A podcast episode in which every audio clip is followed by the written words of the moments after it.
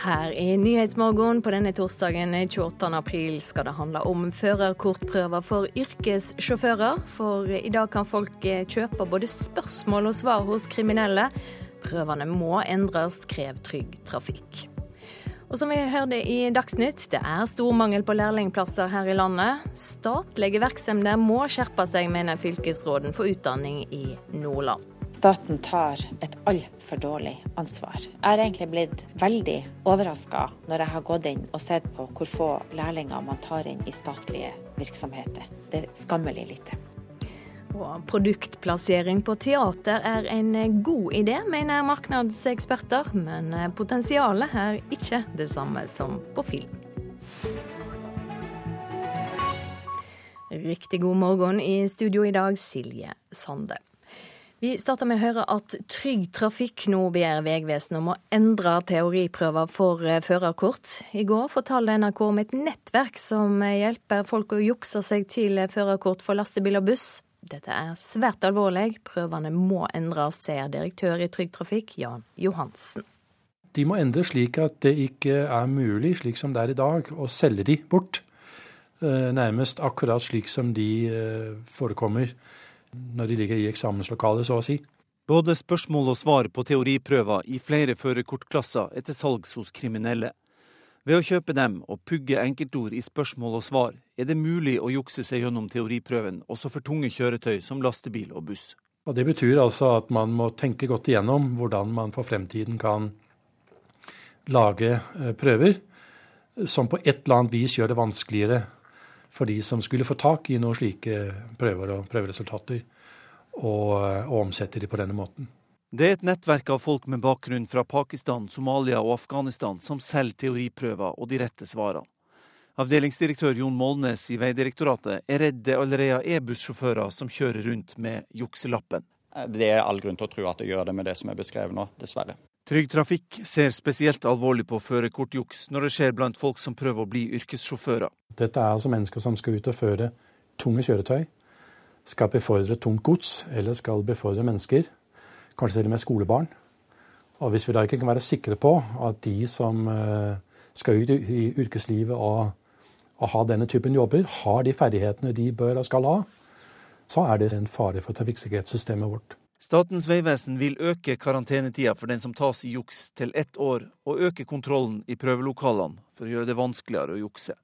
Og Jon Molnes leder sjøl ei nyoppretta krimenhet i Statens vegvesen. Formålet med den er å forebygge og avdekke straffbare eller kriminelle og samfunnsskadelig aktivitet som skjer innenfor trafikant- og kjøretøyområdet, altså det samfunnsoppdraget som Statens vegvesen er tildelt.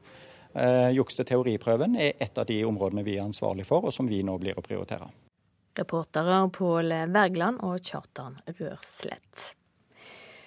Så skal vi, eh, vi skal snakke om dagens politiske kvarter, programleder Bjørn Myklebust. Og det skal handle om eh, Libya. Libya og Norge, for eh, Norge var med på å bombe Libya i 2011 for å stoppe Gaddafis styrker. Men i dag er det kaos i landet. Og Arbeiderpartiet sa denne uken nei til granskning nå av det norske bidraget i, i, i denne krigen her. Så det blir et rød-grønt oppgjør om dette. Og så skal vi til Libya i dag. FrPs Ulf Leirstein han vil at båtflyktningene som kommer fra Libya, skal snus, settes i land igjen. Selv om det er et urolig land med krig, fordi det er så viktig å ikke åpne en ny rute inn til Europa etter denne mye omtalte Tyrkia-avtalen. Men Flyktninghjelpen er mildt sagt uenig. Bjørn Myklebust i Politisk kvarter om en drøy time her i P2 og Alltid nyheter. Regjeringa har som mål å øke tallet på læreplasser i Norge, men sjøl tar staten kun inn drøye 450 lærlinger i statlige bedrifter. I Nordland må fylkesråden trolig kutte i tallet på yrkesfagtilbud pga. mangel på læreplasser. Hild-Marit Olsen mener det er skammelig dårlig at staten ikke tar inn flere lærlinger. Jeg tenker at eh, staten tar et altfor dårlig ansvar. Jeg har egentlig blitt veldig overraska eh, når jeg har gått inn og sett på hvor få lærlinger man tar inn i statlige virksomheter. Det sier en frustrert fylkesråd for utdanning i Nordland, Hild Marit Olsen. I hennes fylke mangler hvert år fire av ti yrkesfagelever læreplass, og flere plasser i statlige virksomheter hadde hjulpet. Men tall som NRK har fått, viser at staten sjøl kun tar inn knappe 500 lærlinger totalt i hele landet. Ja, det er altfor lite. Det er altfor lite. Det, er egentlig så er det ja, skammelig lite. I fjor sto rundt 9000 yrkesfagelever her i landet uten lærlingekontrakt. Det er over 160 000 årsverk i staten i Norge, og blant de store statlige bedriftene som ikke tar inn lærlinger, er Statens vegvesen i nord og HR-sjef Ole Bjørn Nikolaisen. Nei, Det har vel flere årsaker. Det ene er jo at eh, vi ikke har så veldig mange fagområder som det gjelder å ta inn lærlinger på. Det er vel i hovedsak innenfor eh, laboratoriesida og kontorfaget som kan være aktuelt. Tidligere i år lanserte regjeringa ei egen satsing på flere læreplasser i statlige bedrifter, bl.a. gjennom et såkalt statlig opplæringskontor i Oslo og Akershus. Ei slik ordning kunne fylkesråd Olsen også tenkt seg i nord, men mener det er bedriftene sjøl som må ta det største ansvaret. Det er jo sånn at vi har for å navngi, vi har eh, Nav, vi har universitet, vi har Brønnøysundregister, eh, vi har eh, eh, nasjonalbibliotek. Vi har store eh, statlige virksomheter i eh, Nordland som rett og slett bare kan si, trykke på knappen og bestemme seg for å ta inn flere lærlinger.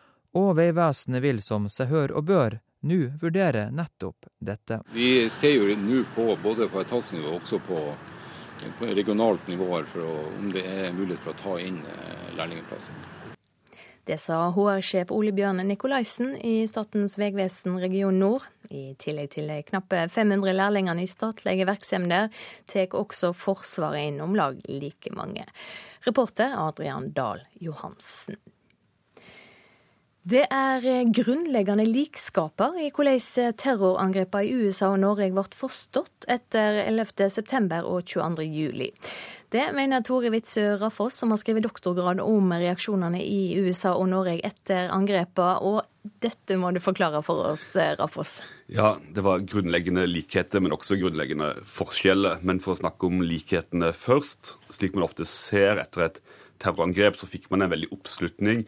Man fikk en veldig oppslutning rundt fellesskapet. Man fikk en, mange markeringer av sorg over de drepte. Man fikk en veldig eh, eh, Man fordømte terroristene, og man så også veldig oppslutning om nasjonale ledere. Bush i USA og Stoltenberg i Norge. Eh, faktisk så ble Bush den mest, eh, mest populære presidenten etter andre verdenskrig i USA etter 11.9., noe som er lett å glemme nå i ettertid. Han ble veldig populær, upopulær siden. Ja, For du har mellom annet sammenligna talene til Stoltenberg og Bush? Ja, jeg har sett på disse talene. og på tross av mange forskjeller, så er min påstand at det er en grunnleggende likhet i den, den eh, fundamentale forståelsen av hva som har skjedd. Når man, når man prøver å tolke og snakke om disse terrorangrepene i USA og i Norge, så blir det sett på som et noe mer enn bare vold mot bygning og mennesker, men det blir sett på et, som et angrep på nasjonen, på nasjonens verdier. Og nå skal eh, nasjonen gå sammen, slutte opp om disse verdiene og forsvare på den måten eh, fellesskapet. Og i USA så setter man dette i en nasjonal amerikansk sammenheng med referanse til amerikansk historie, og på samme måte i Norge så gjør man dette. Men er det ikke stor forskjell på å eh, gå til krig mot terror og gå i rosetog?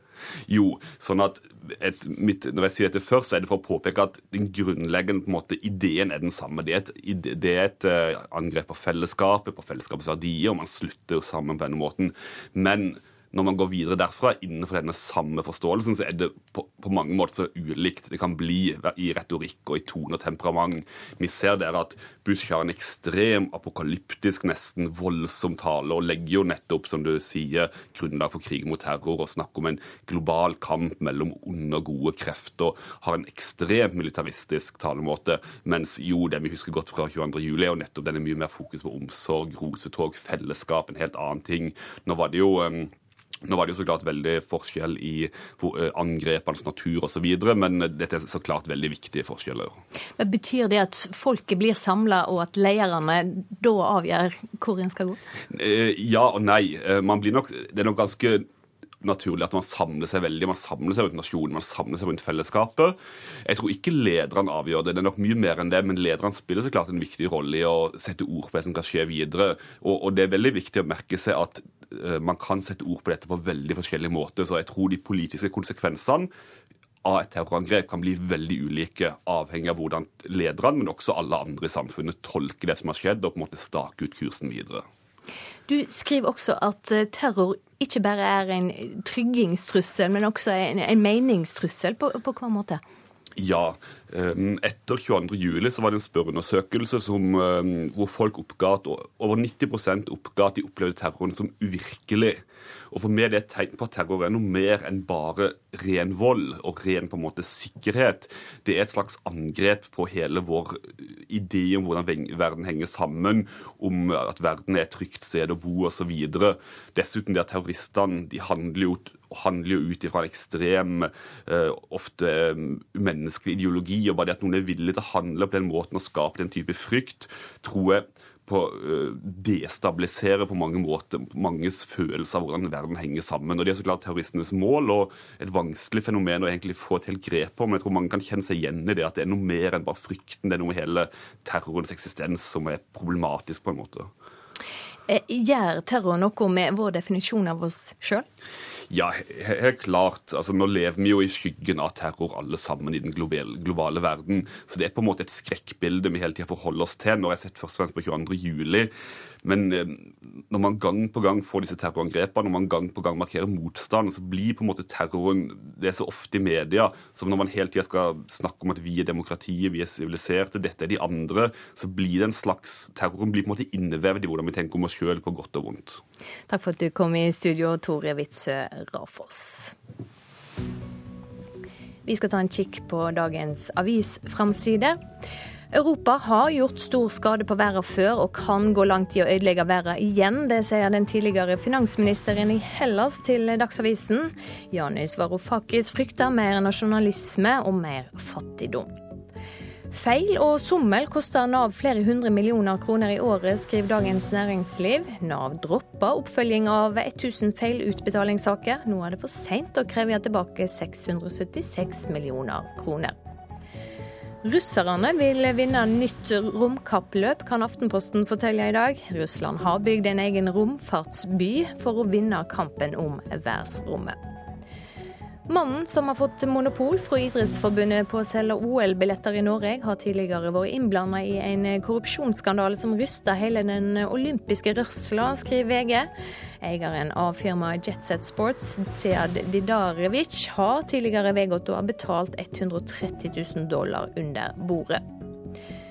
Lageret av svinekjøtt er femdobla siden nyttår, ifølge Nasjonen. Nå blir svinebøndene oppmålt om å kutte i produksjonen. Bransjen håper på godt grillvær utover sommeren.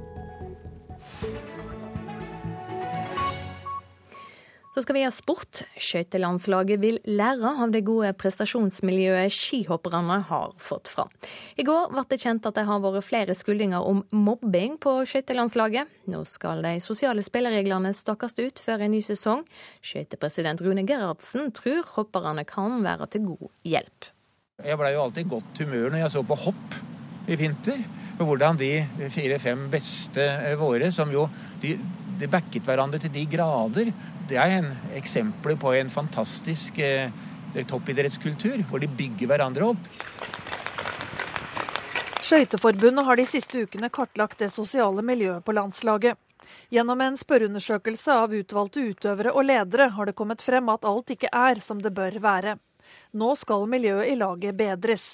Et viktig bidrag på veien dit kan komme fra hopperne, som opplevde stor suksess i hele laget i vinter. Den suksessen skyldes klare retningslinjer, forteller sportssjef for hopperne Claes Brede Bråten. Det vi har lagt mye vekt på, er jo eh, at vi har noen verdier i bånn. Eh, respekt, ydmykhet og glede. Vi eh, har i mange år hatt et, et, skriv som alle som ønsker å være identifisert med norsk hoppsport må kunne. Det er hoppskrifter. Som, som er, gir råd og tips om hvordan hvordan man opptrer. Nye sosiale regler for kommende sesong er i ferd med å ta form for skøytelandslaget, og de skal presenteres på samling allerede i mai.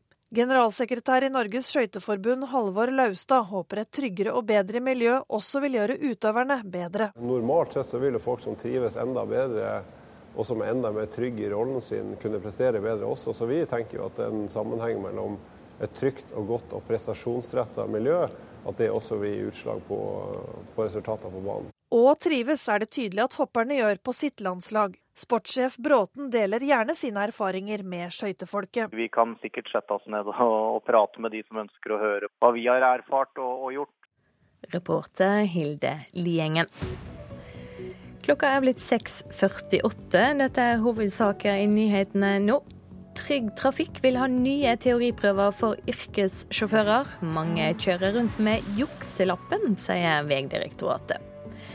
Det er stor mangel på lærlingplasser i Norge, men staten sjøl tar knapt inn lærlinger. Og de amerikanske superheltene fra Marvel er det mest innbringende filmserien i verden. NSB ber folk som vanligvis reiser med toget på Østlandet om å vurdere å ta ferie eller jobbe hjemmefra deler av sommeren. For eh, pga. arbeid på jernbanen blir Oslo S stengt for all togtrafikk til og fra Grefsen, Bryn, Lillestrøm og Ski den første veka i august. Og for strekninga Oslo S til Ski gjelder det både den siste veka i juli og den første i august. Buss istedenfor tog? Nei, det syns jeg ikke noe om. Jeg liker å ta tog. jeg er glad i å ta tog. Sier Solveig Ekerov. Hun står på Fredrikstad stasjon. I sommer er det ingen bønn for henne og andre som har tenkt å reise med tog på østre eller vestre linje. For strekningen Oslo S og Ski blir stengt for all togtrafikk den siste uka i juni og den første i august. Uke 31 blir eh, ekstra tung. Da er jo mange ferdig med ferie. og eh, Busser skal vi klare å skaffe, men framkommeligheten i og rundt Oslo den blir vanskelig. Vi rett og slett går ut nå og ber folk å vurdere å ta seg litt eh, fri, fri sommerferie. Eh, hjemmekontor i uke 31, og også gjerne i uke 26. For der vil det bli forsinkelser, og kunne få en lang reisedag hvis de velger toget. Og på en vanlig dag er det 20 000 togpassasjerer mellom Ski og Oslo S. I de to ukene strekningen er stengt, setter NSB opp inntil 16 busser per togavgang. Vi skal få dem frem, men, eh, men møt opp i god tid. Og har man viktige avtaler, så ta gjerne avgang noe tidligere. Er det mulig å justere litt på tiden og reise utenom rush, så er det absolutt å anbefale. Men, eh, men lengre reisetid, det blir det i uke 26 og uke 31. Det er heller ikke noe godt alternativ å velge egen bil, og, og vi ber rett og slett kunne da ta ekstra fri.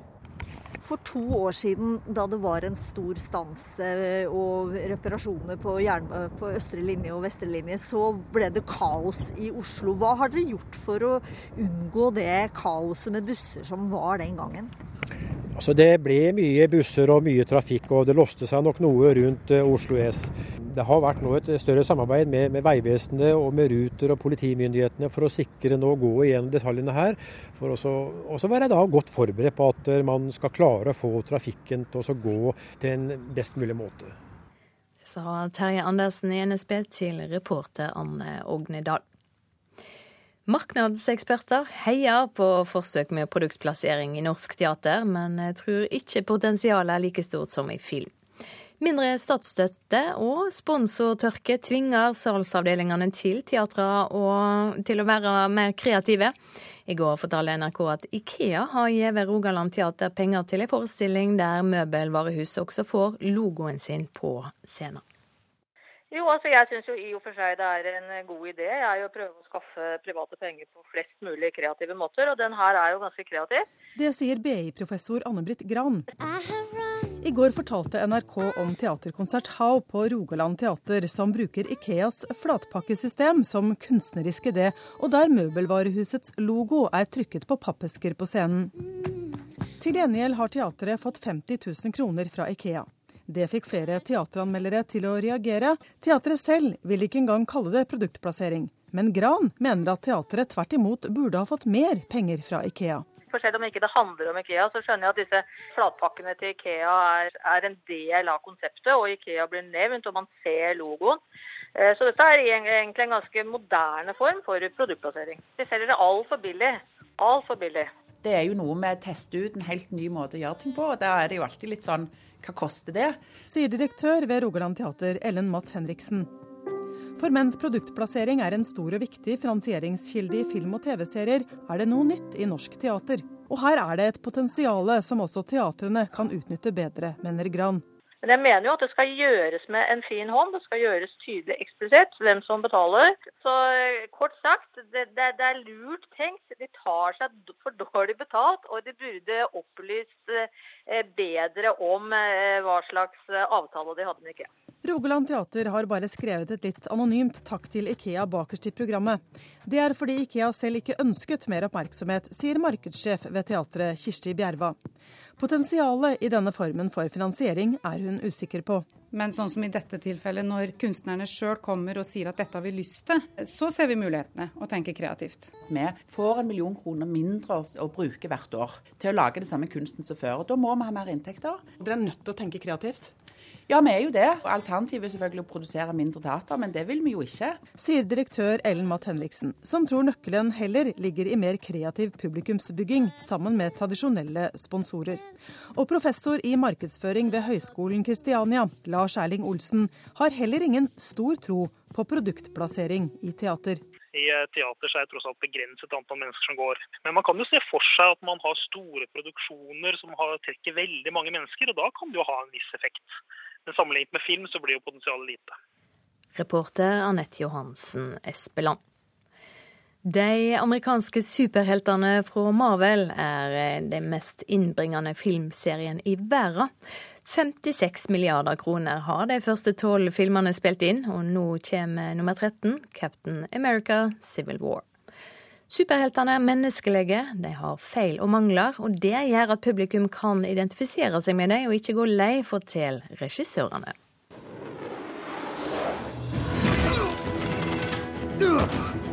I den grad noen lurer, så er det en og annen slåsskamp i denne Marvel-filmen også.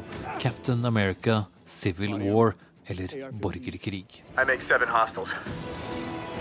Dette er nå den 13. storfilmen i dette Marvel-universet, og folk ser fortsatt ikke ut til å gå lei. Hvorfor, spør NRK de kanskje ikke helt uhildede regissørene, brødreparet Anthony og Joe Russo. like modern mythology to these characters. I think that they're relatable uh, on a human level, but they're also relatable in terms of their flaws. They're relatable in terms of their personality quirks. Folk identifiserer seg med figurene, sier Joe Russo, både på et menneskelig nivå, men også av deres feil og mangler. Sam!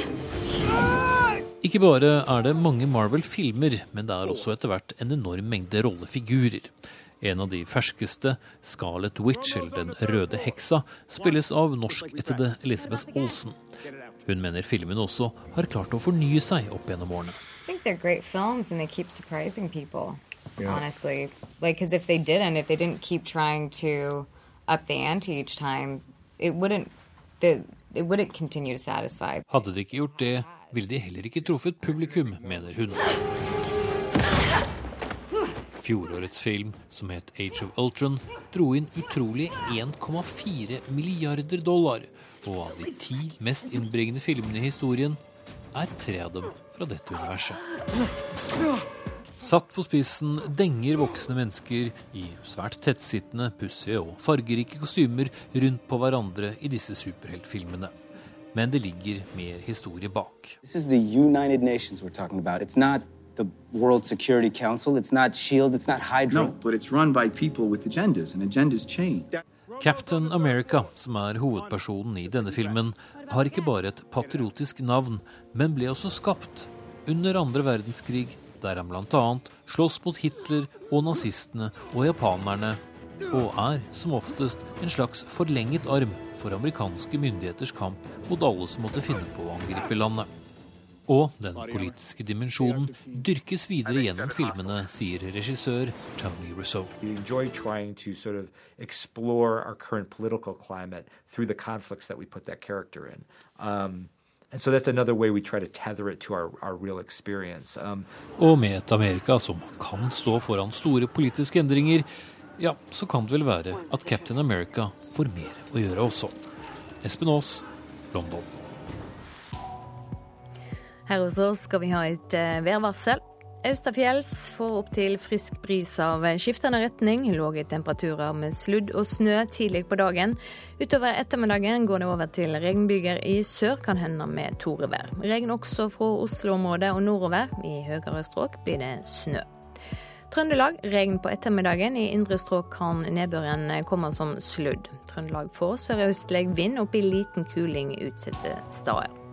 Vestlandet perioder med sol og skiftende bris, men fra om ettermiddagen regn, og det blir mest nedbør i Rogaland. I Nord-Norge starter dagen med sørøstlig liten kuling utsatte steder, men det løyer utover dagen. Mye fint til vær, men det blir noe mer skyer sør for Mo i Rana. Spitsberget får fint vær og rolige vindtilhøve, men aller lengst sør blir det opp i østlig liten kuling og litt snø. Så skal vi ha temperaturlista, og de var målt eh, klokka fem for eh, ja, to timer siden.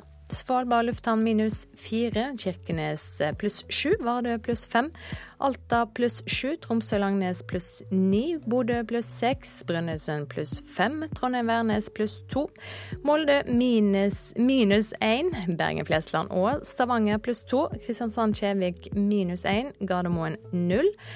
Lillehammer minus 1, Røros minus 4 og Oslo-Blindern der var det målt pluss 3 grader.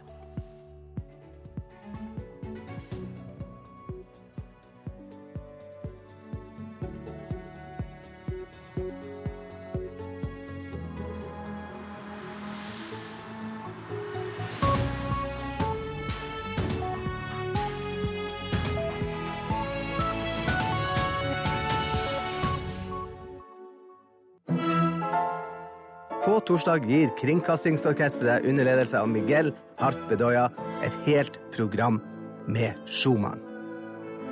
Dette skjer live i universitetets aula, men du får det hele med deg klokka 19.30 på NRK P2.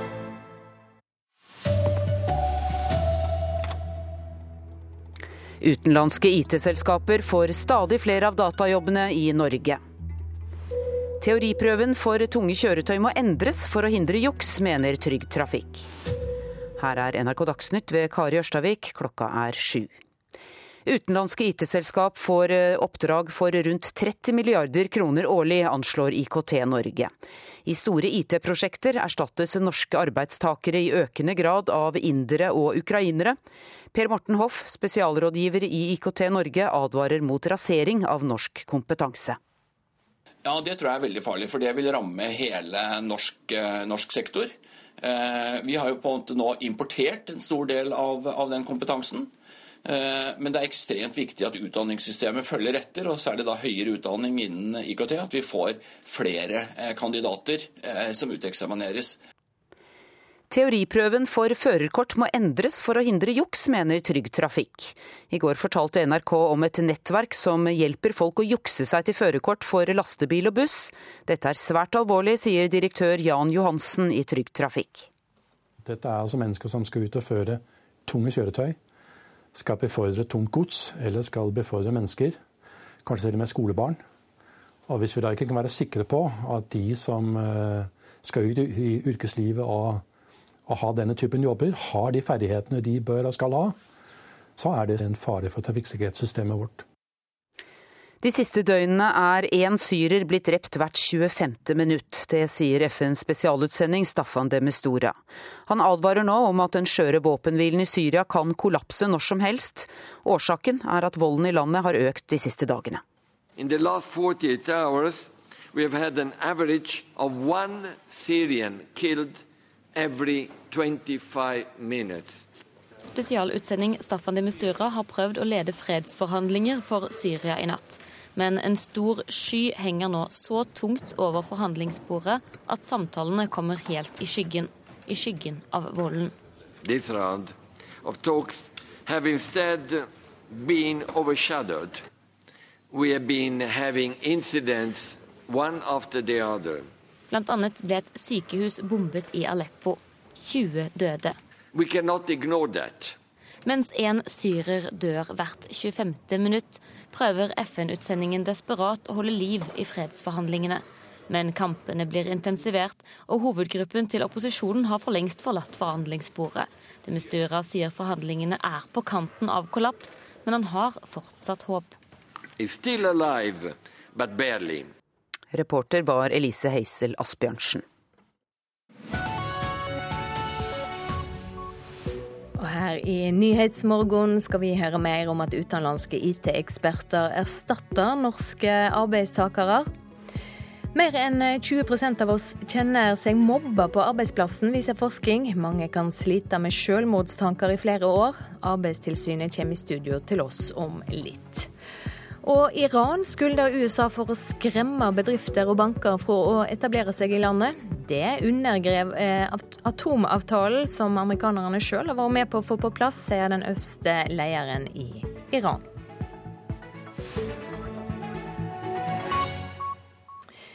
Utenlandske IT-selskap får eh, oppdrag for rundt 30 milliarder kroner hvert år. Stadig større prosjekt blir eh, gitt til såkalte outsourcing-selskap, og norske arbeidsplasser blir borte. Viktig kompetanse og store penger eh, går med det ut av Norge til land som Ukraina og India. Vi er moderne nomader, sier indiske Venkatesha Rasad, prosjektleder i TCS et av verdens største outsourcing-selskaper fra India. Hans kollega dataingeniør Kishore Mavori har jobbet i over tolv land. Australia, Singapore, Vietnam, Philippines, Sri Lanka, India, Canada, UAE, Saudi, Bahrain. Med seg har han både kone og barn. Nå er han utplassert hos Telenor på Fornebu på ubestemt tid for å oppgradere nettet for fasttelefoni. IKT Norge anslår at Norge outsourcer IT-tjenester for 30 milliarder kroner til selskaper fra land som India, Ukraina og Sri Lanka. Men for oss har det veldig stor verdi. Sier Terje Foyn Johannessen, Telenor-direktør som ikke fant rett kompetanse i verken Norge eller Europa da nettet skulle oppgraderes.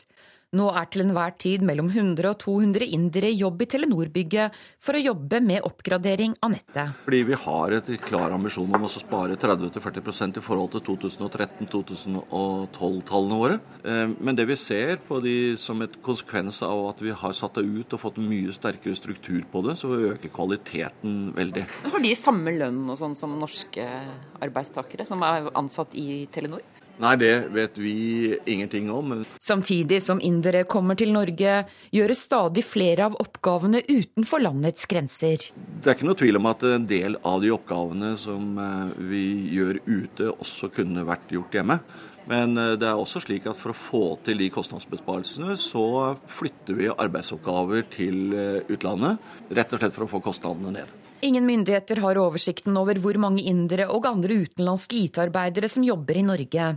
Noen er her to måneder, andre i tre år, og det har vokst kraftig de tre siste årene. Det utdannes for få IT-arbeidere, og stadig mer kjernekompetanse forsvinner fra Norge fordi store prosjekter outsources. Det er grunn til å rope varsku, sier spesialrådgiver Per Morten Hoff i IKT Norge. Men det er klart, hvis trenden fortsetter, så kan vi risikere at viktig kompetanse eh, blir borte. For alltid. Eh, for alltid. Vi får en eh, brain drain i Norge, at vi får for dårlig kompetanse. Man lærer av store prosjekter, man lærer av feil man gjør underveis. Så, så, dette er jo på, på, på, sikt alvorlig. Men vi ser nå at det også er en trend av de siste årene at også selve driftsoperasjonen blir overtatt av utenlandske aktører. Og det tar neppe slutt med det første. Prosjektleder Prasad sier de tilbyr stadig nye tjenester til kunder som Telenor. Yes, we always look for opportunities yeah. to uh, enhance value to the customer and provide more services. Definitely. Reportere Line Tomter og Anne Cecilie Remen. I studio nå, Lise Lyngsnes Randeberg, du er president i fagforeninga Tekna, som har kring 9000 medlemmer fra IT-bransjen. Hvorfor er det slik at utlendingene tar over? Ja, For det første så er det jo sånn at teknologiutviklinga gjør det mulig. Vi er nå spiller på en global arena. Det er global konkurranse. Det spiller ingen rolle hvor du sitter og jobber hen. Og det finnes gode ingeniører der ute. Så, og det er greit, hvis, så lenge det er en fair konkurranse. Men vi er usikre på lønns- og arbeidsvilkårene til de her folkene, og vi mener det er fare for sosial dumping.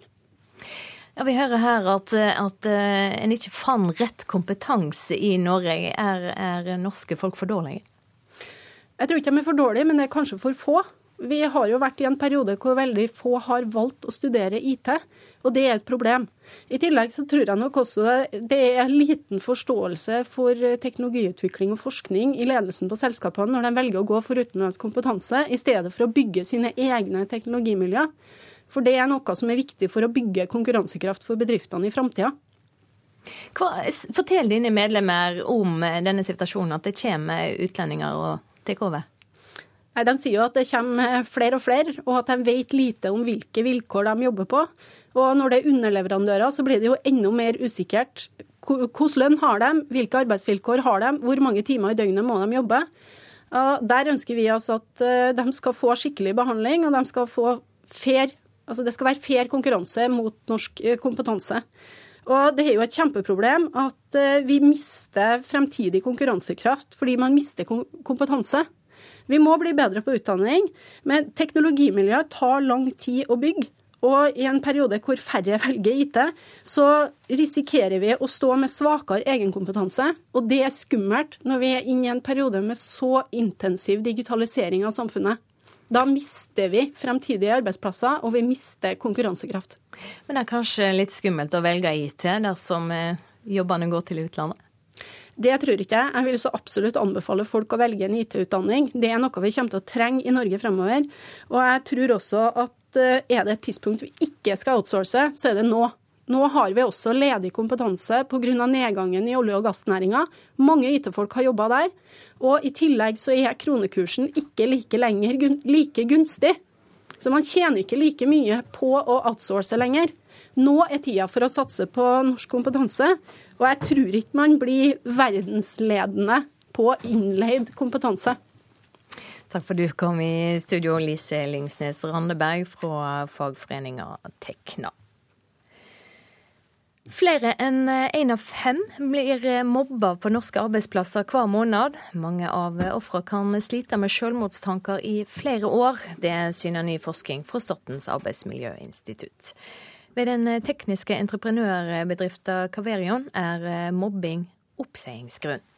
Blir man kjent med noen episoder, så må man bare melde ifra til en leder, og så må det tas tak i. Og det syns du er helt greit? Det syns jeg er veldig greit. Det er veldig viktig. Det sier Atle Sjøli, som er en av flere tusen Caverion-ansatte. Så Hvis jeg ser noe som er uønska, så går jeg til min nærmeste leder. Har du gjort det noen ganger? Det har jeg gjort. Caverion har altså inngått en egen varsleravtale med alle sine medarbeidere. Oppdager de noe som kan minne om mobbing, skal de si fra, saken skal på bordet, og i verste fall blir mobberen sagt opp. Det sier Therese Johannessen, som er HMS-ansvarlig ved Kaverion i Oslo. Altså, Mobbing er oppsigelsesgrunn. Altså, Hvis det er grov mobbing det er snakk om, så kan man risikere at arbeidsforholdet står på spill. Og, og det har skjedd? At folk har mistet jobben fordi de har mobbet? Det har skjedd. Det hjelper, sier Johannessen. Varsleravtalen og en del andre tiltak har gitt oss færre mobbesaker. Men situasjonen er ikke nødvendigvis den samme på andre norske arbeidsplasser. For flere enn én av fem blir hver måned utsatt for én eller flere handlinger som blir definert som mobbing, ifølge Statens arbeidsmiljøinstitutt. Og det kan få langt alvorligere konsekvenser. Veien til selvmord kan være kort. Vi fant at alle formene for mobbing var forbundet med selvmordstanker. Det sier professor Morten Birkeland Nilsen, som jobber som forsker ved Arbeidsmiljøinstituttet. Der har de nå kartlagt sammenhengen mellom ulike typer mobbing og selvmordstanker. I de groveste mobbetilfellene er det f.eks. elleve ganger mer sannsynlig at ofrene sliter med selvmordstanker, sammenlignet med de som ikke har vært mobbet. Men selv de vanligste formene for mobbing mer enn dobler risikoen for selvmordstanker etter to år. Jeg tror nok den mest typiske mobbesituasjonen det er en kombinasjon av der man opplever at man blir satt til arbeid under kompetansenivå, man får ikke den informasjonen man trenger for å gjennomføre arbeidsoppgaver, samtidig som man sitter med en følelse av å være sosialt isolert på arbeidsplassen. Og man føler man ikke få innpass i arbeidsmiljøet. Dette kan være utestenging fra sosiale situasjoner, som f.eks. i lunsjen eller festlige sammenkomster. Jeg har jo sett eh, både sterke personer og svake personer bli utsatt for mobbing, og har jo sett Jurist Geir Lasse Andresen jobber med konflikthåndtering. Han kjenner mobbeproblemet i arbeidslivet ut og inn, og han vet at dette er mobbing som kan ta liv. Det er jo sterke opplevelser når, når man får den tilliten i ren desperasjon. Når kommer mennesker og forteller at de blir mobbet og har prøvd ulike ting. Og, og velger å fortelle meg at de har vurdert å ta sitt eget liv fordi de ser ingen annen utvei. Når Andresen kurser bedrifter, spør han hvor mange som har rutiner for å løse konflikter på arbeidsplassen. Svaret han får, er nedslående.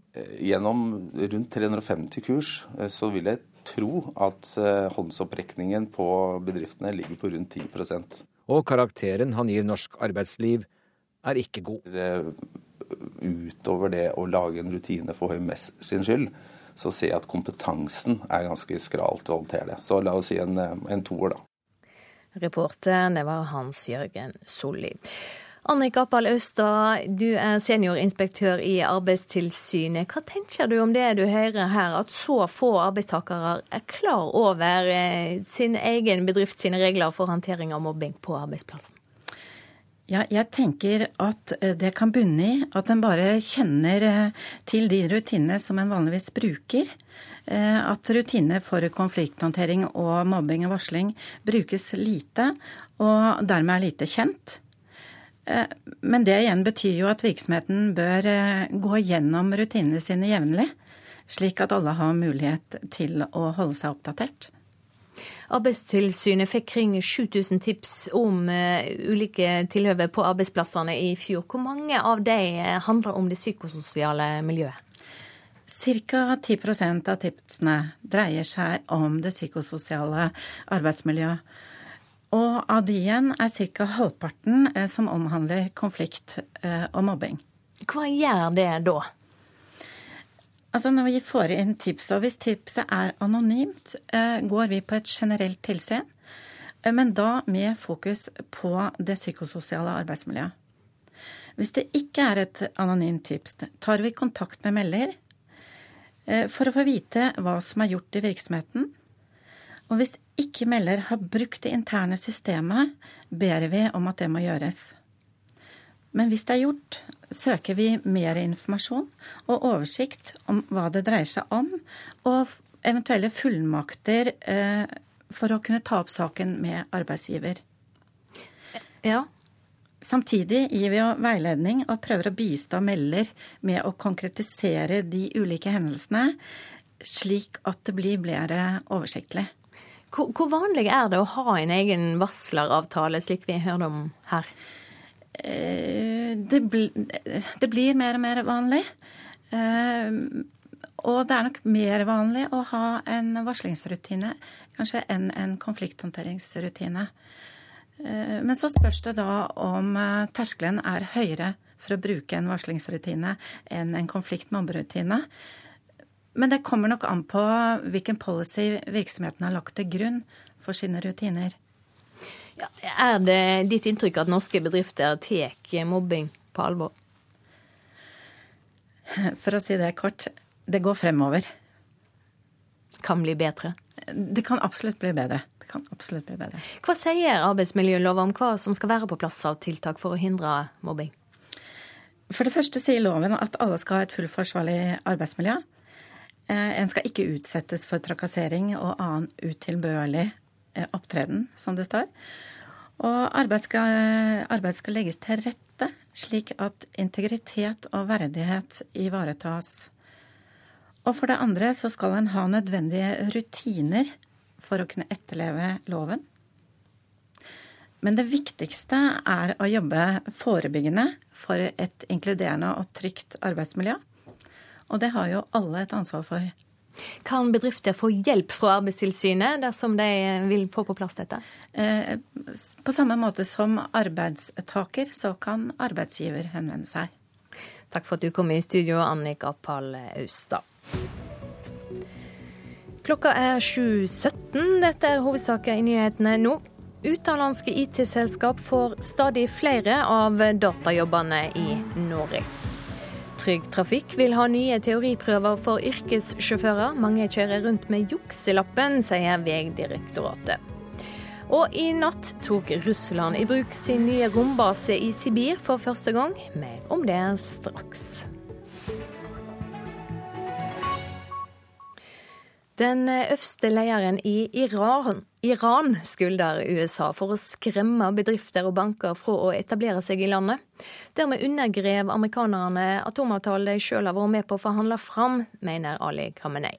Iranerne ønsker å se at økonomien deres blir bedre nå som sanksjonene er løfta. Jeg har sagt det hundre ganger. USA kan ikke stoles på.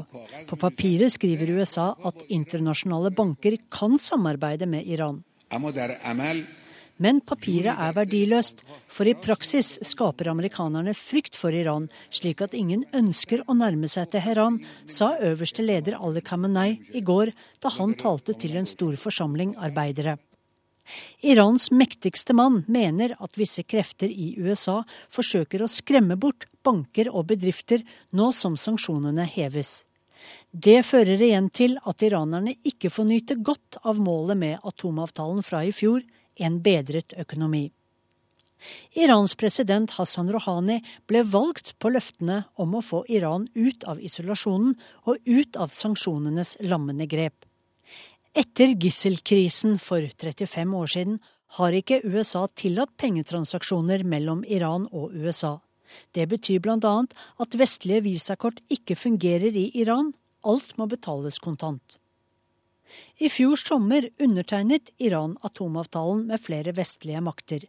Men iranske politikere er ikke fornøyd med oppfølgingen. Våre fiender USA og sionistregimet fortsetter å legge hindre i veien for oss. Og det gjør oss pessimistiske. Vi kan ikke lukke øynene for dette, sa Ali Khamenei i sin tale. Utenriksminister John Kerry forsikret sist uke om at både han, president Barack Obama og finansminister Jack Lew gjentatte ganger har sagt at USA ikke vil stå i veien for handelsavtaler som er tillatt i Iran. Vi har løftet sanksjonene, og nå er det muligheter for utenlandske banker som vil handle med Iran, sa Kerry på en pressekonferanse i New York. Der satt han sammen med sin iranske makker Mohammed Sarif. Men sistnevnte var ikke overbevist. Vi er sterkt uenige på flere områder, men vi ble tross alt enige om avtalen. Nå håper jeg inderlig på handling som monner, slik at det iranske folk kan se resultater av denne avtalen, sa Irans utenriksminister. Men én handel går slik den skal. For i henhold til avtalen skal USA kjøpe 32 tonn tungtvann fra iranerne. Dette for å hjelpe Iran med å bygge ned sitt atomprogram. Reporter Sissel Wold. Klokka fire i natt tok Russland i bruk sin nye rombase i Sibir for eh, første gang. Vostokny skal bli den viktigste utskytingsstaden for russerne, men det har vært en rekke problem med basen. Soyuz 2-raketten er endelig på vei. Det var nok mange ved Russlands nye rombase som trakk et lettelsens sukk da motorene tente. Raketten har nå levert tre satellitter til en polar bane, dvs. Si at de går rundt jorden fra pol til pol. Men det er ikke satellittene som er det viktigste denne gangen. Det var hvor de ble skutt opp fra. For fødselen til rombasen Vostok-ny i Sibir har vært lang og smertefull.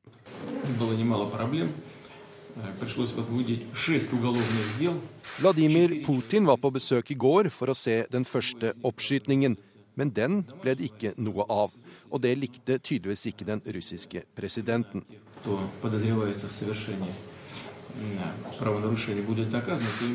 Det har vært mange problemer, sier Putin. Vi har seks forskjellige kriminalsaker. To personer er i varetekt, og to har husarrest. Men dersom de blir funnet skyldig, så må de nok bytte sine varme senger med en benk i en fengselscelle, var budskapet fra Putin. Ракета «Союз» взлетела с космодрома «Восточный». Сейчас мы Anlegget i den sørøstlige delen av Sibir har vært planlagt lenge, og når russerne til slutt begynte å bygge, så tok det lang tid også. Problem etter problem dukket opp. Beskyldningene om korrupsjon begynte i det stille, men ble til slutt så kraftig at myndighetene reagerte. Da Putin i går måtte si at raketten bare ble stående på bakken, uttrykte han bekymring for tilstanden til hele systemet. Vi må utvilsomt trekke noen konklusjoner, sa Putin. At vi har så mange problemer er ikke bra. Her må vi komme med en passende og profesjonell reaksjon på det vi ser. Hvor motiverende presidentens trussel er for bakkemannskapene ved rombasen Vostok Ny, gjenstår det å se. Basen er noe russerne mener de må ha, for mye av romvirksomheten deres nå er konsentrert i rombasen Baikonur. Den ligger i Kasakhstan, og russerne har en leiekontrakt som varer frem til 2050. Men basen ligger altså i et annet land. De har også rombasen Plesetsk nær grensen til Finland, men den er plassert for langt nord, og den er for nær potensielt fiendtlige land, les Norge, så Vostokny skal til slutt bli den viktigste rombasen for russerne, dersom den ikke viser seg være for dårlig bygd. Det sa Halvard Sandberg. Vi skal ta en kjapp kikk på avisframsidene. Europa har gjort stor skade på verden før, og kan gå langt i å ødelegge verden igjen. Det sier den tidligere finansministeren i Hellas, Janis Varoufakis, til Dagsavisen. Han frykter mer nasjonalisme og mer fattigdom. Feil og sommel koster Nav flere hundre millioner kroner i året, skriver Dagens Næringsliv. Nav dropper oppfølging av 1000 feilutbetalingssaker. Nå er det for seint å kreve tilbake 676 millioner kroner. Mannen som har fått monopol fra Idrettsforbundet på å selge OL-billetter i Norge, har tidligere vært innblanda i en korrupsjonsskandale som rysta hele den olympiske rørsla, skriver VG. Eieren av firmaet Jetset Sports, Sead Distarevic, har tidligere vedgått å ha betalt 130 000 dollar under bordet. Lageret av svinekjøtt er femdobla siden nyttår, ifølge Nasjonen. Nå blir svinebøndene oppmoda om å kutte i produksjonen, og bransjen håper at godt grillvær utover sommeren skal redde dem. Den tverrkirkelige pastorringen i Oslo ble varsla om psykiske overgrep i sentermenigheten i Asker i 2006, men gjorde ingenting. Vi hadde ikke mandat til å gripe inn, sier TV 2-pastor Egil Svartdal, som var leder av gruppa til Vårt Land. Sammenslåing av fylket har begynt. Klassekampen har tegna kartet over det nye Norge med ti regioner. Professor og bygdeforsker Reidar Almås tror regjeringa vil ha langt større suksess med regioner enn med kommunereformer. Livsgleda forsvant, sier korrupsjonstiltalte Eirik Jensen til Dagbladet om den tøffe tida som tiltalt. Nå har den tidligere polititoppen skrevet spenningsroman.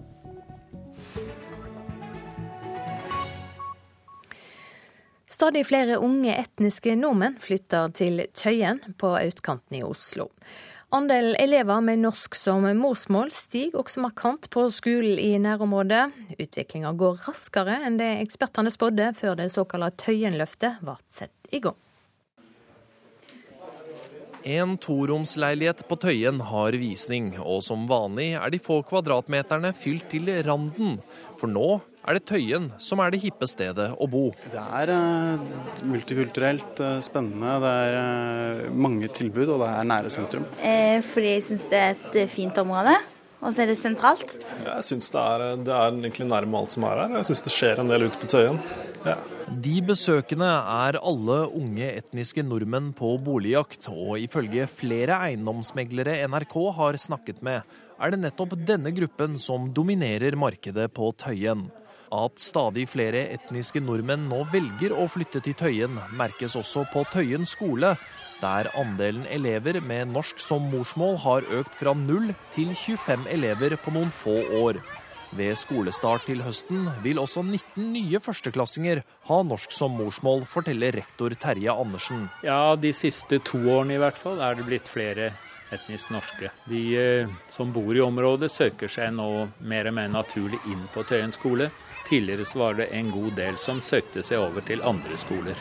På Tøyensenteret har det i løpet av de siste årene dukket opp flere virksomheter, og butikklokalene står ikke lenger tomme. Forfatter Bjarte Breiteig er en av beboerne som startet Tøyen-aksjonen for noen år siden, og sier klientellet rundt Tøyen-senteret har forandret seg merkbart. Ja, for nokså få år siden så sto de aller fleste lokalene tomme. Det var mørke på kveldstid. Og det var nokså, ja, om ikke akkurat skummel, så iallfall utrivelig å krysse plassen, spesielt på kveldstid. Men utviklingen av Tøyen bydel er ikke nødvendigvis bare positivt for alle. Doktorgradsstipendiat ved Universitetet i Lund, Ståle Holgersen, skrev i 2013 at Tøyenløftet kunne føre til at de ressurssvake gruppene måtte flytte vekk og forsterke skillet mellom øst og vest. Etter å ha besøkt Tøyen nylig, sier han at gentrifiseringen av bydelen har gått ekstremt fort. Tilsynelatende er jo bare et oppskrift en klassisk oppskrift på rett og slett gentrifisering. Hvor da tilbud og det kultur, kulturelle livet blir mer og mer tilpassa eh, noen som hadde mer penger enn, det, enn de som kanskje bodde der før. Men Tøyen-beboer Bjarte Breiteig mener bydelen fortsatt er multikulturell, og at områdene utenfor senteret ikke bærer preg av såkalt gentrifisering. Du merker kanskje at eh, det er flere med norsk eh, etnisk bakgrunn som myldrer rundt her oppe på torget, men hvis du beveger deg rundt på Tøyen, så eh, er det hardt og vanskelig å få øye på den typen forandring. Jeg ser det i alle fall ikke, da. Men jeg ser at det er noen flere med norsk bakgrunn som eh, The old sound of Tøyen. Før var det flasker som ble knust, nå var det en vase utafor Nille som gikk i, gikk i, gulvet. Det viser at plassen er, er brukt mer konstruktivt nå enn før. Reporter Øsker Tufan. Produsent for Nyhetsmorgen Silje Katrine Bjarkøy. I studio Silje Sande.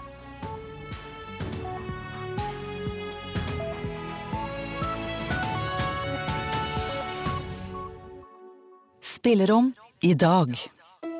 Jazzmusikerne Bendik Hofseth og Petter Vettre gir begge to ut sine debutalbum på ny denne våren, og trommer sammen de gamle banda til konsert. Hvorfor vil de rippe opp i gamle plater mer enn 20 år etterpå? Og kan de lære noe av å dykke ned i den gamle musikken? Det lurer vi på i Spillerom i dag. Spillerom i dag klokken 11 på NRK P2.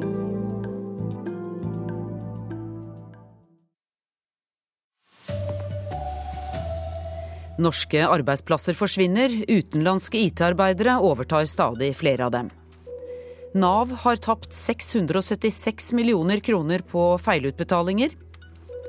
Det er all grunn til å tro at yrkessjåfører kjører rundt med jukselappen, sier Veidirektoratet. Nå vil Trygg Trafikk ha nye teoriprøver. Her er NRK Dagsnytt ved Kari Ørstavik. Klokka er 7.30. Utenlandske IT-selskaper får oppdrag for rundt 30 milliarder kroner årlig. Norske arbeidsplasser forsvinner når stadig større prosjekter gis til såkalte outsourcing-selskaper. Viktig kompetanse og store pengesummer forsvinner ut av Norge til land som Ukraina og India. Vi er moderne nomader, sier indiske Venkatesha Rasad, prosjektleder i TCS et av verdens største outsourcing-selskaper fra India. Hans kollega dataingeniør Kishore Mavori har jobbet i over tolv land. Med seg har han både kone og barn. Nå er han utplassert hos Telenor på Fornebu på ubestemt tid for å oppgradere nettet for fasttelefoni.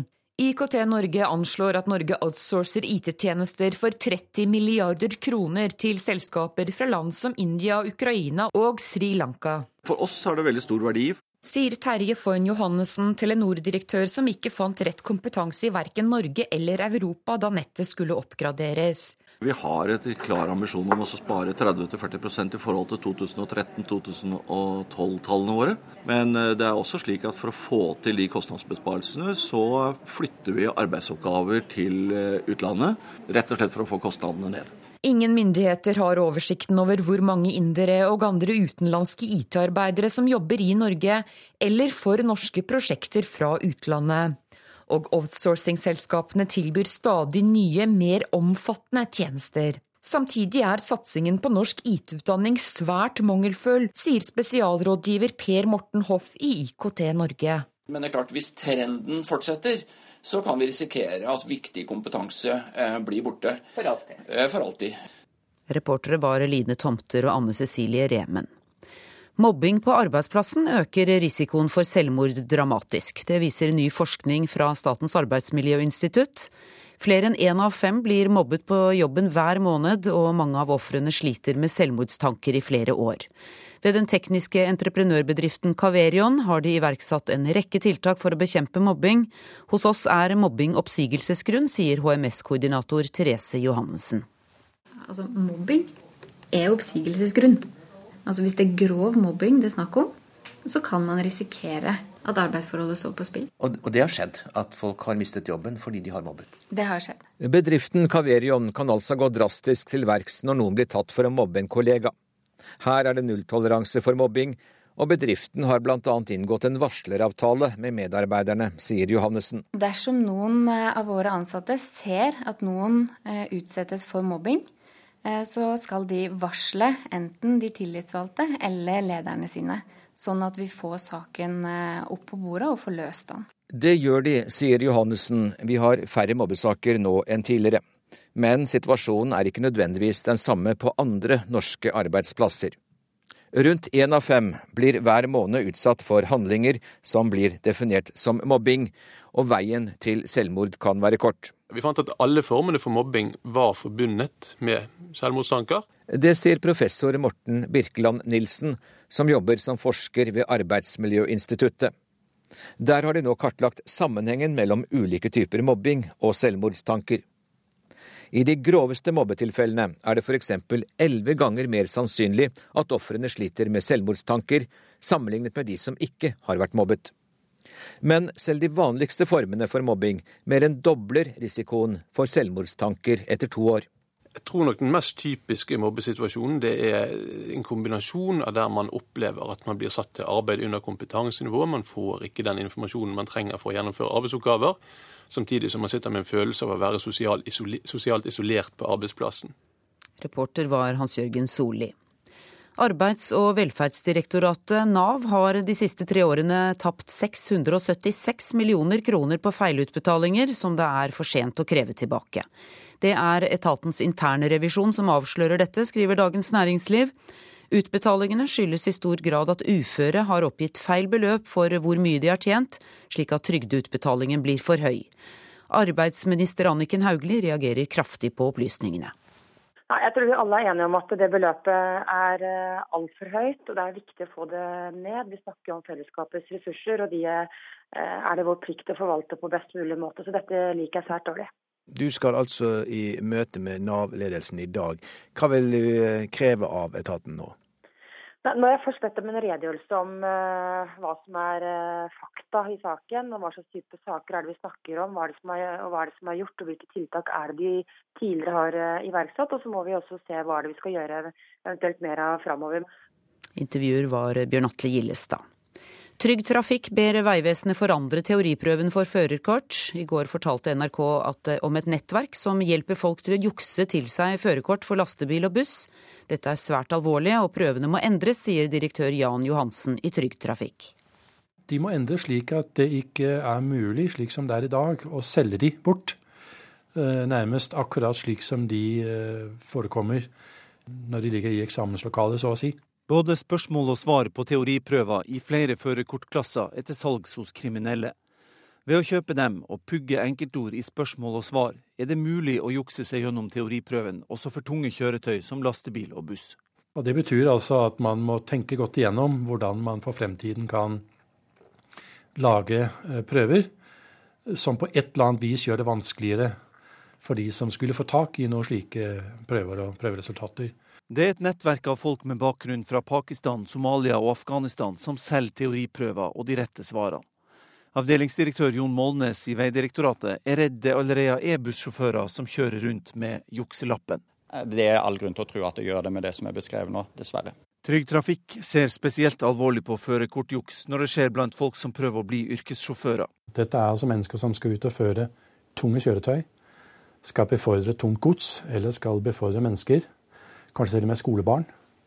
Og hvis vi da ikke kan være sikre på at de som eh, skal ut i yrkeslivet og, og ha denne typen jobber, har de ferdighetene de bør og skal ha, så er det en fare for trafikksikkerhetssystemet vårt. Reportere var Pål Wergeland og Kjartan Røslett.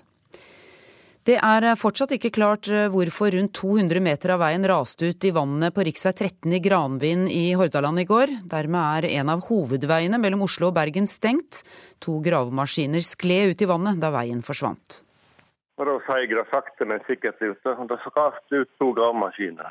Johannes Holven bor rett ved rv. 13, der store deler av veien har rast ut i vannet. I kveld når jeg eh, la meg når det var mørkt, da var det et busskur der nede. Og nå når jeg sto opp, nå er det ikke noe busskur der nede, og nå er det vekk òg. Og nå på morgenen skal det sendes geolog til området for å finne ut mer om hvorfor veien raste ut. Ove Amundsen er trafikkoperatør hos Veitrafikksentralen. Det eneste alternativet som vi har ute til trafikantene nå, det er jo fv. 7, da, som går da mellom Granvin og hele veien inn til Trengereid, for å komme inn mot bergensområdet. Reporter var Arne Fossland. Igjen har publikumsbråk ødelagt en fotballkamp i den svenske eliteserien. Oppgjøret mellom IFK Göteborg og Malmö FF ble avbrutt etter at hjemmefansen kastet et knallskudd inn på banen. Knallskuddet smalt rett ved assistentdommeren og en Malmö-spiller. Dommer Jonas Eriksson valgte å avslutte kampen. Jeg blåser av spillet. Jeg forstår at det hadde hendt noe som var viktig. Når vi vel kommer inn i omklæringsrommet, forstår jeg at min assisterende dommer mår veldig dårlig. Han, han er sjokkert. skyter i ørene. Han er tagen, han gråter. Han mår ikke alls bra. Han eh, kan ikke gå ut og dømme igjen. Han kliver inn og skyter! Ja, hvilken pasning som åpner opp hele spillplanen fra Hjørte Det var ikke skuddet på ballen ute på banen som skapte smellen.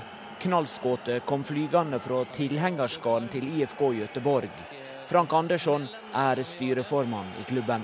Jeg blir trøtt. Jeg blir riktig trøtt. Altså. Jeg, det er i de her legene som man funderer på hvorfor holder man på med idrett egentlig. Kampen i går kveld er langt fra den første i Sverige som blir ødelagt av publikumsbråk. Men for den rutinerte dommer Eriksson var dette første gangen. 303. allsvenske matchen var det her, og har aldri hendt. Hva tenker du? At det er synd at de 17 000 som er her, som vil se fotball og den fantastiske allsvenska vi har, at allting sabbas pga. at én idiot kastar inn et knallskott og förstör for exakt allihopa. Jättetråkigt. Reporter i denne saken var Ole Rolfsrud. Og ansvarlig for Dagsnytt-sendingene denne morgenen, det er Arne Fossland.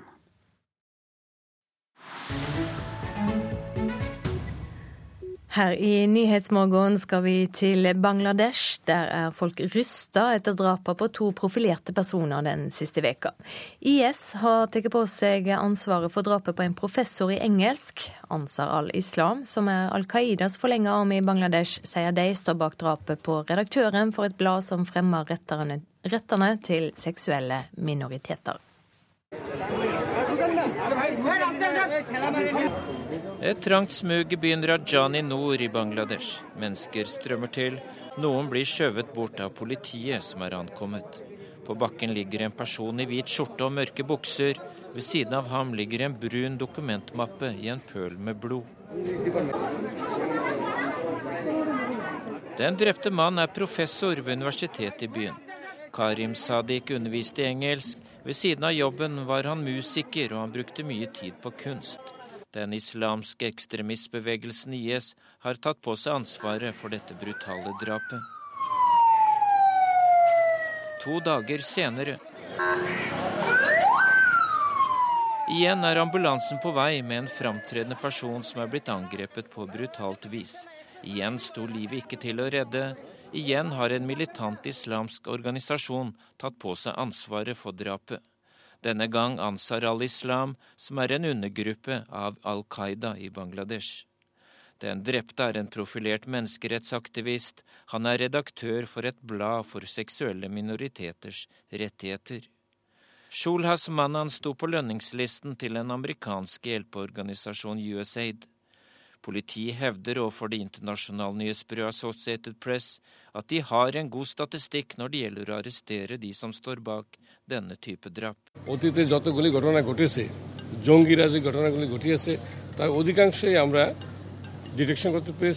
Vi har arrestert militante islamister før.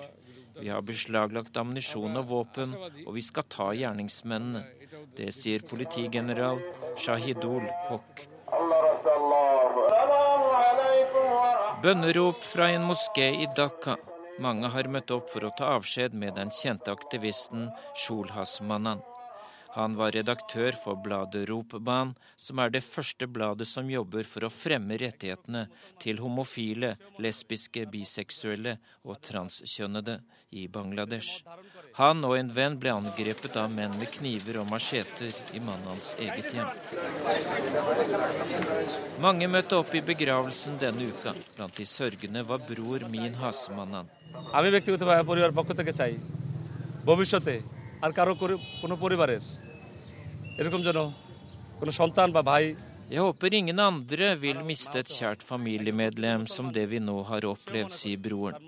Han legger til at redaktørbroren var en rettroende muslim, og at i islam er retten til talefrihet sentral. Nord i landet, i Rajani, holder etterforskere på med sine undersøkelser i smuget der drapet på professoren skjedde. En kollega av den døde snakker med pressen. উনি রাজনৈতিক কোনো দলের মানে কোনো অ্যাক্টিভ সদস্য ছিলেন না তবে হ্যাঁ উনি গান বাজনা করতেন এবং শিল্পী অনুরাগী Professor Karim Shidik var ikke medlem av noe politisk parti. Han underviste i engelsk og var en kunstinteressert musiker. Han var en strålende kollega, avslutter Komar Shaha. Drapene på de to profilerte personene i løpet av to dager har rystet innbyggerne i Bangladesh. Det sa reporter Dag Bredvei. Utenlandske IT-selskap får stadig flere av datajobbene i Norge. Fagforeninga Tekna mener det er problematisk. Nav har de siste tre åra tapt 676 millioner kroner på feil utbetalinger. Nå er det for seint å kreve pengene tilbake. Trygg Trafikk vil ha nye teoriprøver for yrkessjåfører. Mange kjører rundt med førerkort de har juksa seg til, sier Vegdirektoratet. Det er stor mangel på lærlingplasser her i landet. Nå må statlige virksomheter skjerpe seg og ta inn flere, mener fylkesråden for utdanning i Nordland. Klokka nærmer seg 7.45. Programleder Bjørn Myklebust er klar med Politisk kvarter.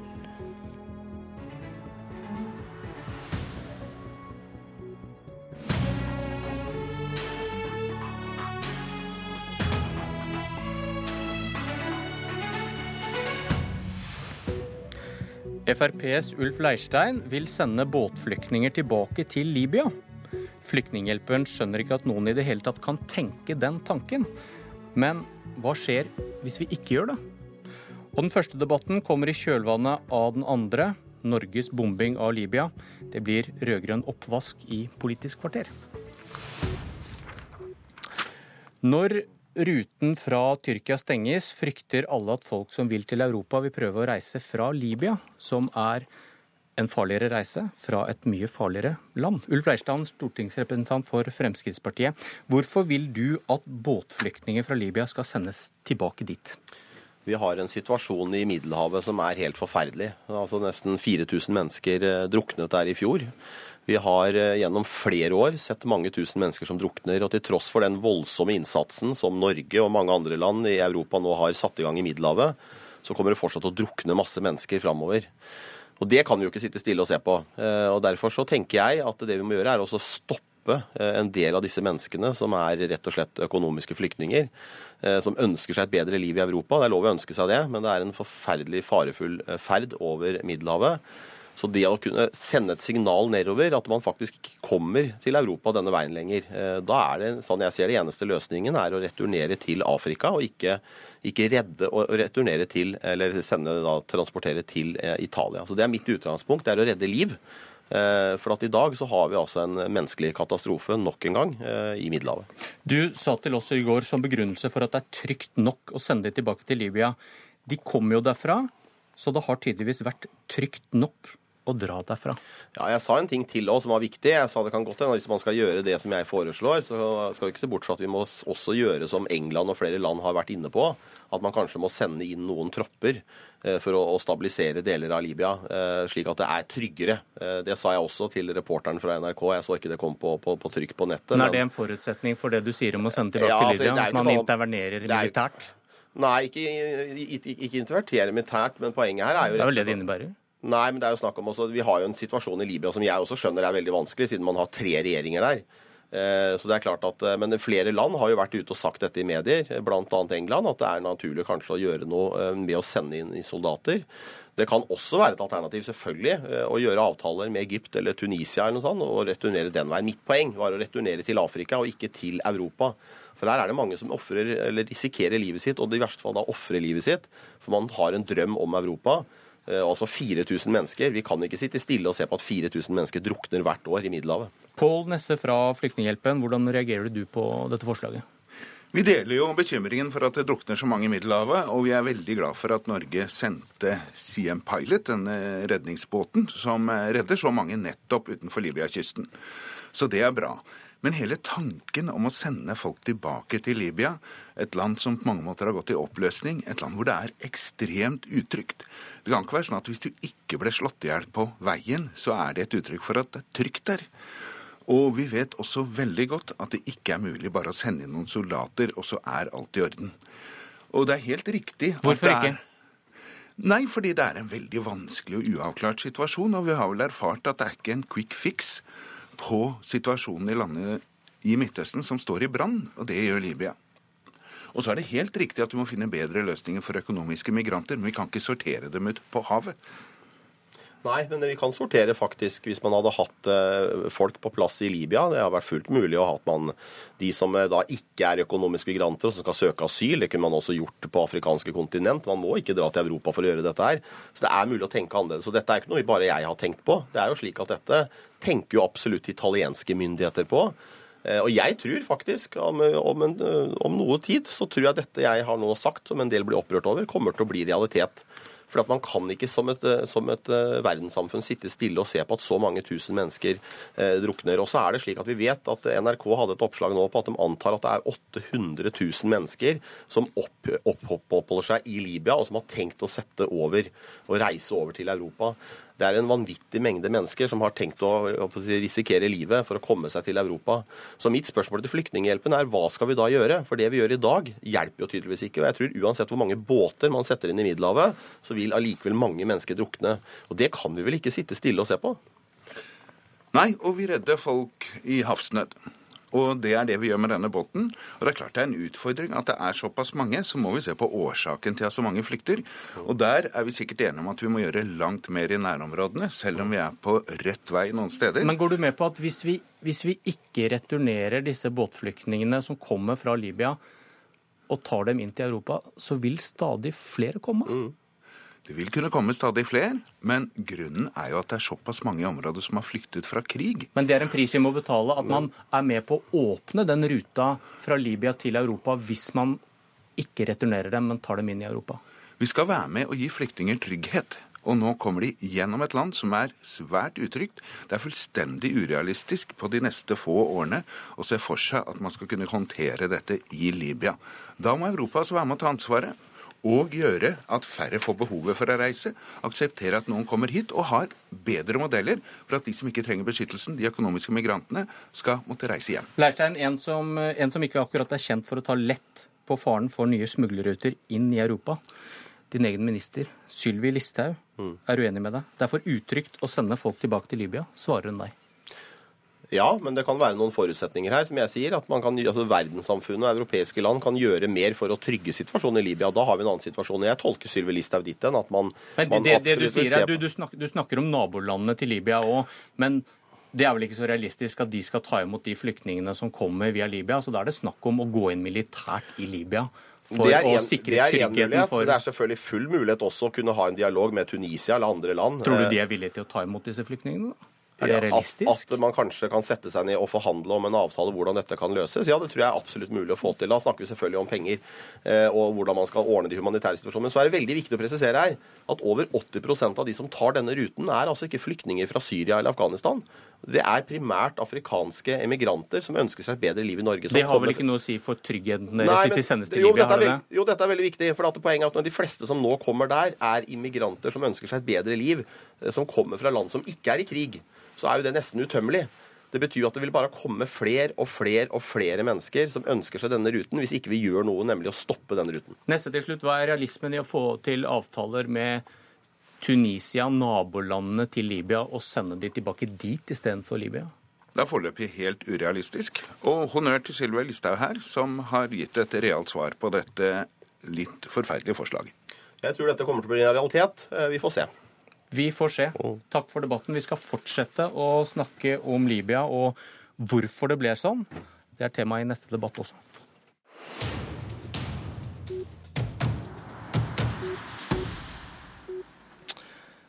For fem år siden, våren 2011, begynte Norge å bombe Gaddafis styrker i Libya. Denne uken ble et forslag om å granske Norges krigføring stemt ned i Stortinget. Anniken Huitfeldt fra Arbeiderpartiet, leder av Stortingets utenriks- og forsvarskomité. God morgen. God morgen. Jeg skal lese et sitat fra Dagsavisens leder i går. Sitat å lukke øynene og late som om vi ikke har noen grunn til å se nærmere på vår egen rolle, er ikke bare feigt. Det er fraskrivelse av det medansvaret vi har for at Libya er i fullstendig oppløsning. Når Arbeiderpartiet stopper en granskning av krigen, må vi ta for gitt at årsaken er hva den ville avdekke, og frykt for å få sitt ansvar for et slikt nasjonalt traume avdekket før valgkampen til neste år. Jonas Gahr Støre var utenriksminister da bombene falt. Hva var hans rolle? Sitat slutt. Kraftig kost. Ja, og det er helt feil. Det vi har bedt forsvarsministeren og utenriksministeren se på, det er hvordan kan vi gjennomgå erfaringene fra Libya, kanskje også andre militære operasjoner. Da svarer de ganske klart at la oss nå få Afghanistan-evalueringen på bordet. Det har vært en meget omfattende gjennomgang. Seks årsverk, 200 høringer, kommer til å føre til en stor og viktig diskusjon omkring Norges rolle i internasjonale operasjoner. Det å tvinge regjeringene i kne i et sånt stortingsvedtak, det har jeg ikke sansen for. Det var et tilsvarende forslag oppe i Stortinget i 2012. Da valgte daværende leder av utenriks- og forsvarskomiteen, Ine Marie Eriksen Søreide, å si at hun likte dårlig å gjøre dette til en politisk konfliktsak. Jeg vil si det samme nå. Vi ønsker en gjennomgang, men ønsker at regjeringen skal få ro på seg til å lage et opplegg, og ikke tvinge den i kne, slik SV her foreslår. Heikki Holmås fra SV, dere satt i regjering med Arbeiderpartiet og støttet bombingen i Libya. Er du enig i Dagsavisens harde dom over Arbeiderpartiet nå?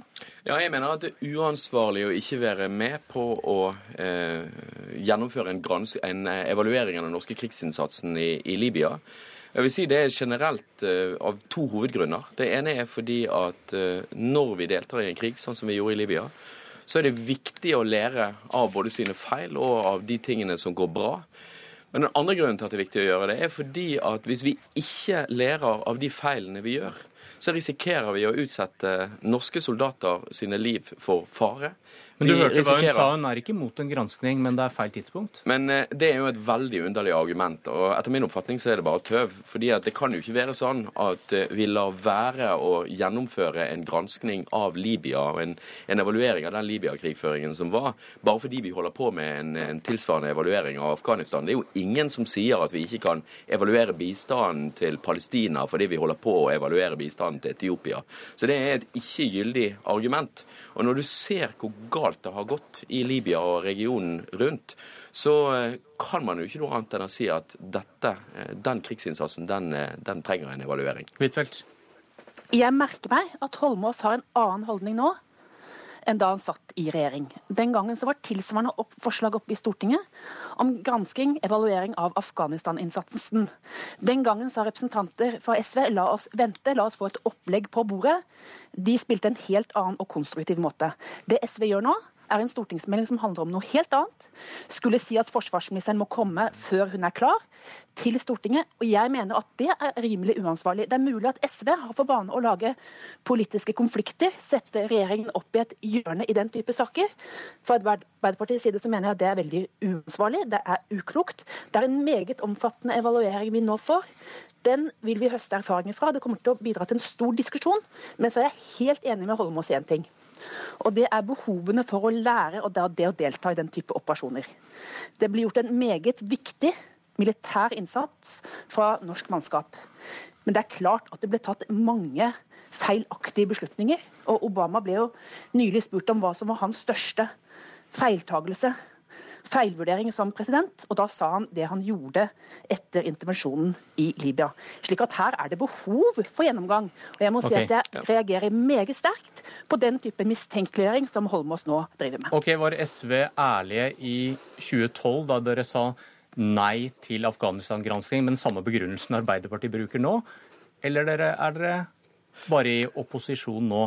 Vi har i lang tid ment at det automatisk burde foretas evalueringer etter at vi deltar i Men krigsinnsats. dere stemte mot i 2012? Ja, da var vi en del av regjeringen, og du hører jo hvor proppen sitter. Ok, Og, er din skyld, jeg, men, men jeg mener at det er viktig å si følgende. Det er viktig å gjennomføre denne type evalueringer raskt. Og Grunnen til det er fordi at ting går i glemmeboken. Du må huske at Når det, når det skjer en ulykke, eksempel, så settes det automatisk en havarikommisjon. Eh, Når vi hadde Utøya-drapene og Utøya-massakrene og, og 22. juli, så ble det raskt nedsatt en granskingskommisjon for eh, for å gjennomføre eh, en evaluering av dette. Her har vi altså en krig i 2011 der Norge gjennomførte nær 600 bombetokt og slapp nær 600 bomber. Vi hadde med andre ord en betydelig eh, rolle i, i den krigen, og det er viktig å foreta evalueringen før viktig informasjon går i glemmeboken. Og Dette handler ikke om å slå politisk mynt, og det må jeg bare få si, for dette var en sak der alle partiene på Stortinget var enige om at det var riktig å bidra. Vi mente at utviklingen i Libya og og den krigføringen var der, gikk i feil retning. Derfor okay. ønsket vi å trekke ut flyene. Det skjedde fordi denne saken hadde et FN-mandat, men det haster å få på plass en evaluering før dette går i glemmeboken. Huitfeldt, det er, som Dagsavisens leder er inne på, valg neste år. og eh, Skjønner du at det kan se ut som dere har noe å skjule, når dere da stemmer mot en granskning nå? Det er helt nødvendig å evaluere denne operasjonen og andre operasjoner. Men hvorfor ikke ikke bare akkurat- stemme for for å fjerne enhver mistanke om at dere ikke er interessert i det som kommer fram før et viktig valg, hvor, eh, hvor Støre nå sitter som At jeg har partileder? tillit til at forsvarsministeren og utenriksministeren ønsker å lage et opplegg rundt dette. Og Jeg kan ikke si at jeg liker forsøkene på å gjøre dette til en konfliktsak. Det sa Eriksen Søreide i 2012. Da stemte SV mot. Nå er saken oppe igjen, i riktignok en annen granskning. Da vil jeg bruke hennes ord. Arbeiderpartiet vil aldri presse regjeringen opp i et hjørne i den type spørsmål. Vi vil avvente hvilket opplegg som kommer fra henne. Det er helt nødvendig å gjennomgå erfaringene, men den type mistenkeliggjøring som SV nå driver med, og forsøker å presse regjeringen, det syns jeg er uansvarlig. Vi ønsker ikke mistenkeliggjøre, vi ønsker en evaluering. Og det har dere muligheten til å støtte. Og der var vår tid ute. Dette var Politisk kvarter ved Bjørn Myklebust.